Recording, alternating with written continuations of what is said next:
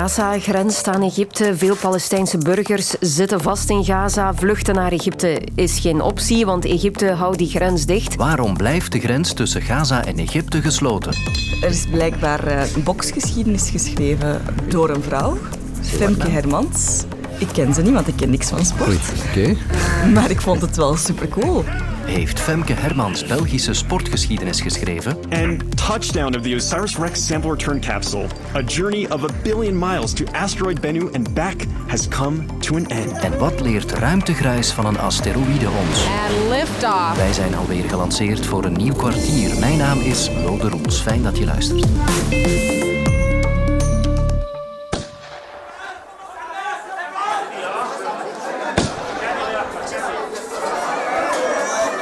Het is dag 6 van het geëscaleerde conflict tussen Israël en de extremistische groepering Hamas.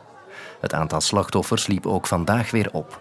Zowel aan Israëlische als aan Palestijnse kant meer dan duizend doden en een veelvoud aan gewonden. Aan beide kanten hebben mensen schrik en willen ze vluchten. Collega Jens Fransen is in Israël. Ik sta op dit ogenblik in eh, de vertrekhal van eh, Ben Gurion, de luchthaven in eh, Tel Aviv, de enige luchthaven hier. En ja, hier staan duizenden mensen op dit ogenblik gepakt en gezakt. Die willen allemaal het land verlaten, die zijn bang. En aan de andere kant van morgen was ik nog in contact met mijn fixer in Gaza. Is op dit ogenblik daar in het ziekenhuis. Zijn huis is volledig weggebombardeerd. Ja, en ik vroeg hem, kan jij weg? Hij zegt, nee, natuurlijk kunnen wij niet weg. Wij zitten hier vast in Gaza. Voor wie zich in de Gazastrook bevindt, is wegvluchten inderdaad geen optie. Gaza heeft maar enkele grensovergangen. Een van de belangrijkste is die met Egypte. Het Israëlische leger adviseert alle Palestijnen in Gaza om langs die weg te vluchten. Maar, probleem, die grens zit potdicht en Egypte lijkt niet van plan om die snel te openen. Joost Scheffers, correspondent in Egypte, ziet die grens nogthans als enige hoop voor de mensen in de Gazastrook.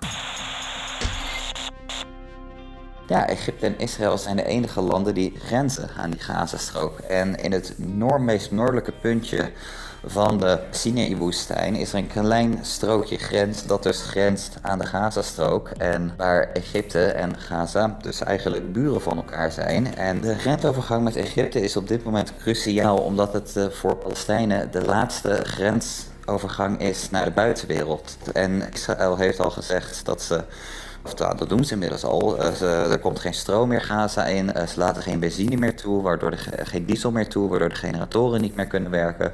Geen voedsel, geen medicijnen. Ja, als Israël dat allemaal gaat tegenhouden, dan zullen er steeds meer ogen, ook binnen de Arabische wereld, naar Egypte kijken om die hulp toe te staan vanuit die laatste grensovergang, de Rafah-grensovergang tussen Egypte en de Gazastrook. En toch gaat de grens dus niet open. Egypte houdt de grens met Gaza op dit moment dicht, omdat Egypte geen belang heeft bij grote aantallen Palestijnse vluchtelingen op hun grondgebied. Egypte spreekt erin over hun eigen soevereiniteit. Er zijn al heel veel vluchtelingen in Egypte, waarschijnlijk om en nabij volgens schattingen een kleine miljoen Soedanese vluchtelingen. Er zijn veel Syrische vluchtelingen, Eritrese vluchtelingen. Maar ze zeggen ook dat het de Palestijnse zaken geen goed zou doen als de Palestijnen uit de Gazastrook vertrekken. Egypte wil daarom niet dienen als alternatief thuisland voor de Gazanen. En onder Egyptenaren ja, zijn de meningen daarover een beetje verdeeld. Een deel van de mensen is het wel eens met de overheid dat ja, als de Palestijnen inderdaad uit de Gazastrook vertrekken, dan help je Israël daar alleen maar mee, want dan hebben zij een probleem minder op hun land, om het maar even zo te zeggen. En anderzijds is Egypte ook bang dat er met de vluchtelingen Hamas-strijders mee zullen komen. En ja, Egypte wil die organisatie absoluut niet terug hebben in Egypte en al helemaal niet de mogelijke strijders van Hamas hebben opereren vanaf hun land. Bovengronds de grens oversteken is één ding. Maar al lang bestaan er ook ondergrondse tunnels tussen Gaza en Egypte. So this tunnel network is in the south of uh, Gaza Strip. We're told we're right by the border with Israel. You can see how well constructed it is. It's an extensive network. En dus is dat misschien een andere manier om goederen naar de Gazastrook te krijgen. Ja, er is ook een enorm smokkeltunnelnetwerk um, dat richting Egypte gaat. Een van de voornaamste dingen die ook door die tunnels werd vervoerd waren wapens en raketten. Hoe zijn is uh, Hamas aan al die raketten gekomen om op Israël af te schieten? En daarom zijn die tunnels op dit moment nog ook altijd ja, van ontzettend groot belang voor Hamas. En toort dat ook aan de veiligheid aan de Egyptische kant. Want Egypte is er niet blij mee dat er zoveel door hun land gesmokkeld wordt. In het verleden nam Egypte vaak de rol van bemiddelaar op tussen Israël en Hamas. Maar dat lijkt op dit moment steeds lastiger te worden. Egypte onderhoudt op politiek niveau ontzettend nauwe banden met Israël. Dat, dat, is eigenlijk al langer het geval, omdat Egypte als eerste land in de Arabische regio in 1979 met de Camp David-akkoorden een vredesverdrag met Israël sloot dat heeft Egypte op heel veel kritiek te komen staan. Ze werden voor tien jaar verbannen uit de Arabische Liga. Maar daardoor is Egypte wel een land geweest dat ja, altijd gepoogd heeft om goede buren te zijn met Israël. En dat zegt wel heel veel over hoe die relatie tussen Egypte en Israël is. Dat Egypte zo zou je het kunnen noemen, de kant kiest van Israël in dit geval in de strijd tegen de gezamenlijke vijand Hamas in de Gazastrook, die Egypte liever ziet verdwijnen dan verder ziet groeien. En dat Egypte in dit geval dus eigenlijk vooral voor het eigen belang kiest. En dat eigen belang is een rustige grens nabij de Gazastrook.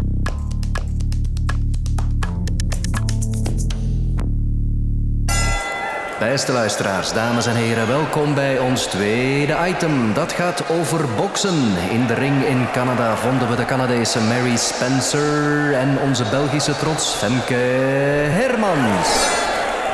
Ja, en ik zeg Belgische trots met een reden, want Femke Hermans heeft vannacht die wedstrijd met glans gewonnen.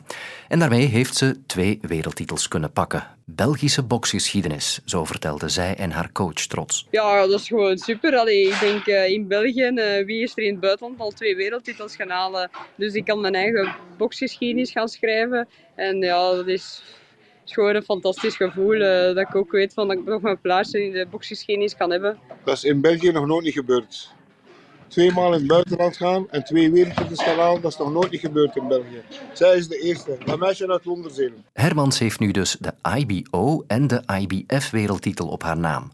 En als je nu denkt IB wat, dan snap ik dat volledig, want dat is ook wat ik dacht. Dus belde ik naar Alain van Driessen, bokskenner en liefhebber, voor een kort lesje boksen.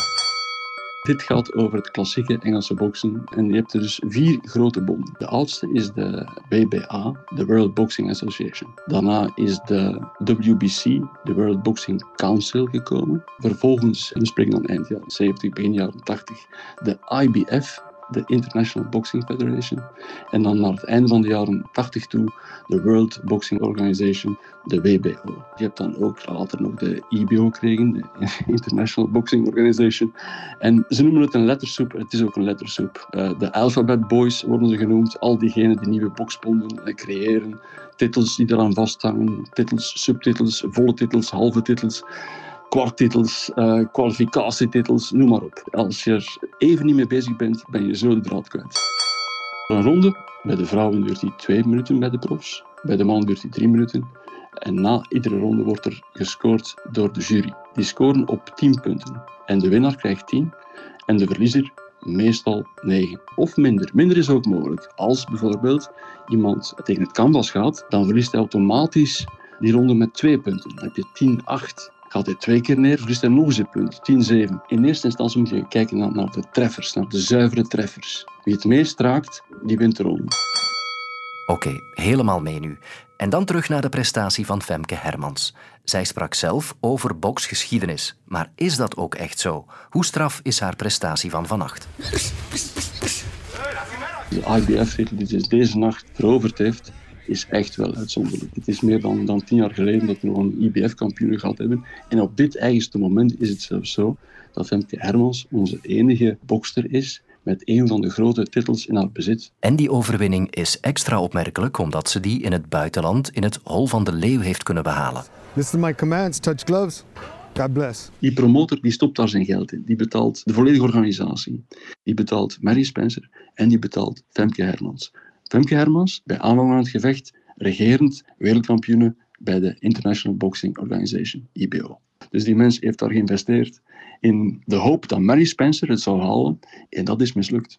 Uh, duidelijke overwinning van Femke Hermans. Maar meestal, als er ook maar enige kans is om te twijfelen, dan zijn er heel wat juryleden, door de volledige omstandigheden van zo'n organisatie, van een thuispubliek dat schreeuwt, roept en tiert, eh, beïnvloedt en geven zij zo een gelijkopgaande ronde dan maar aan de thuisbokser. Maar zo is het dit keer dus niet gelopen, want Femke Hermans was overduidelijk de beste van de twee. Al zal ze daar niet meteen rijk van worden. Femke Hermans die moet werken om de broden. Ik denk dat ze nu vrijdag terug al aan het werk is. Ja, dat, zijn, dat zijn mensen die hun, dromen najagen en in vervulling zien gaan. En uh, soms wordt je daar financieel beter van, maar vanuit België niet. België is te klein, is sporteconomisch en bokseconomisch te klein om hier veel geld te verdienen met profboksen.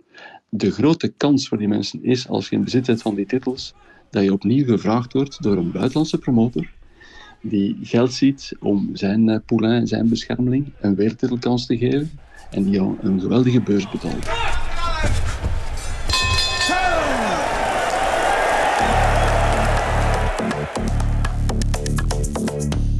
So, you ready to see the results of the mission? Take a peek.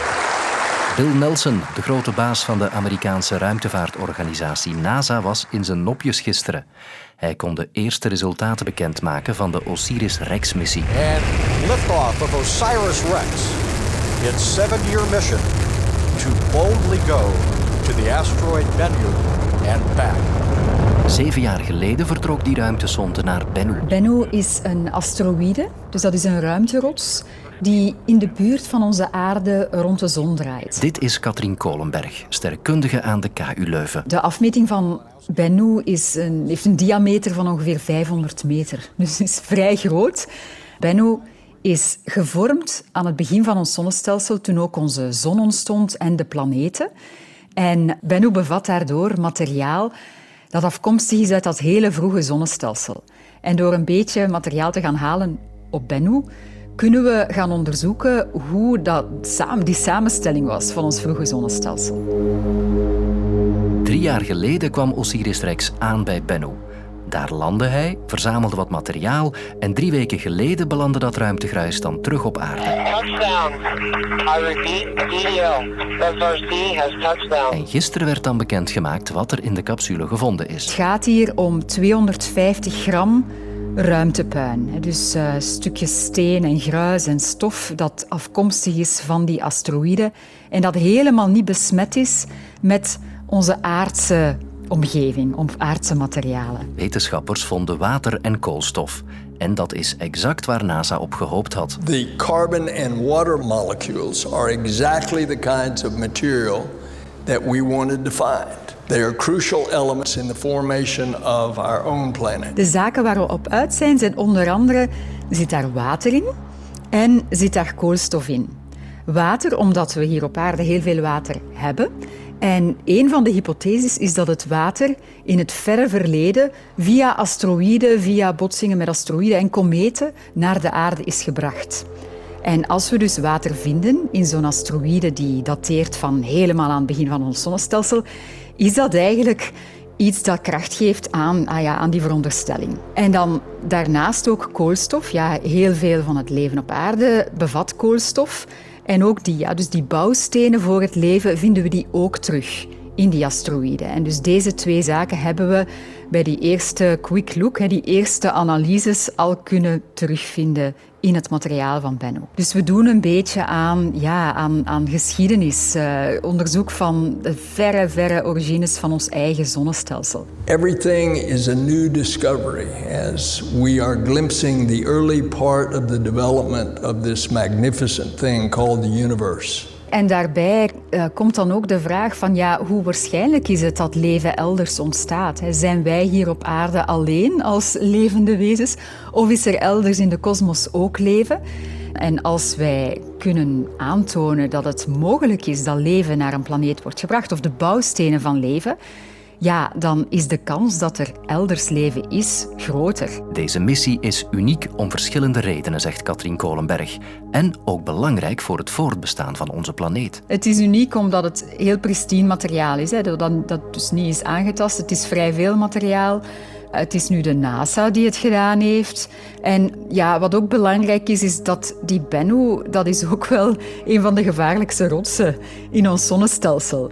En uh, het feit dat we daar naartoe kunnen gaan en dus daar iets gaan halen. Uh, we hebben vorig jaar met de DART-missie ook aangetoond dat we asteroïdes licht van baan kunnen doen veranderen.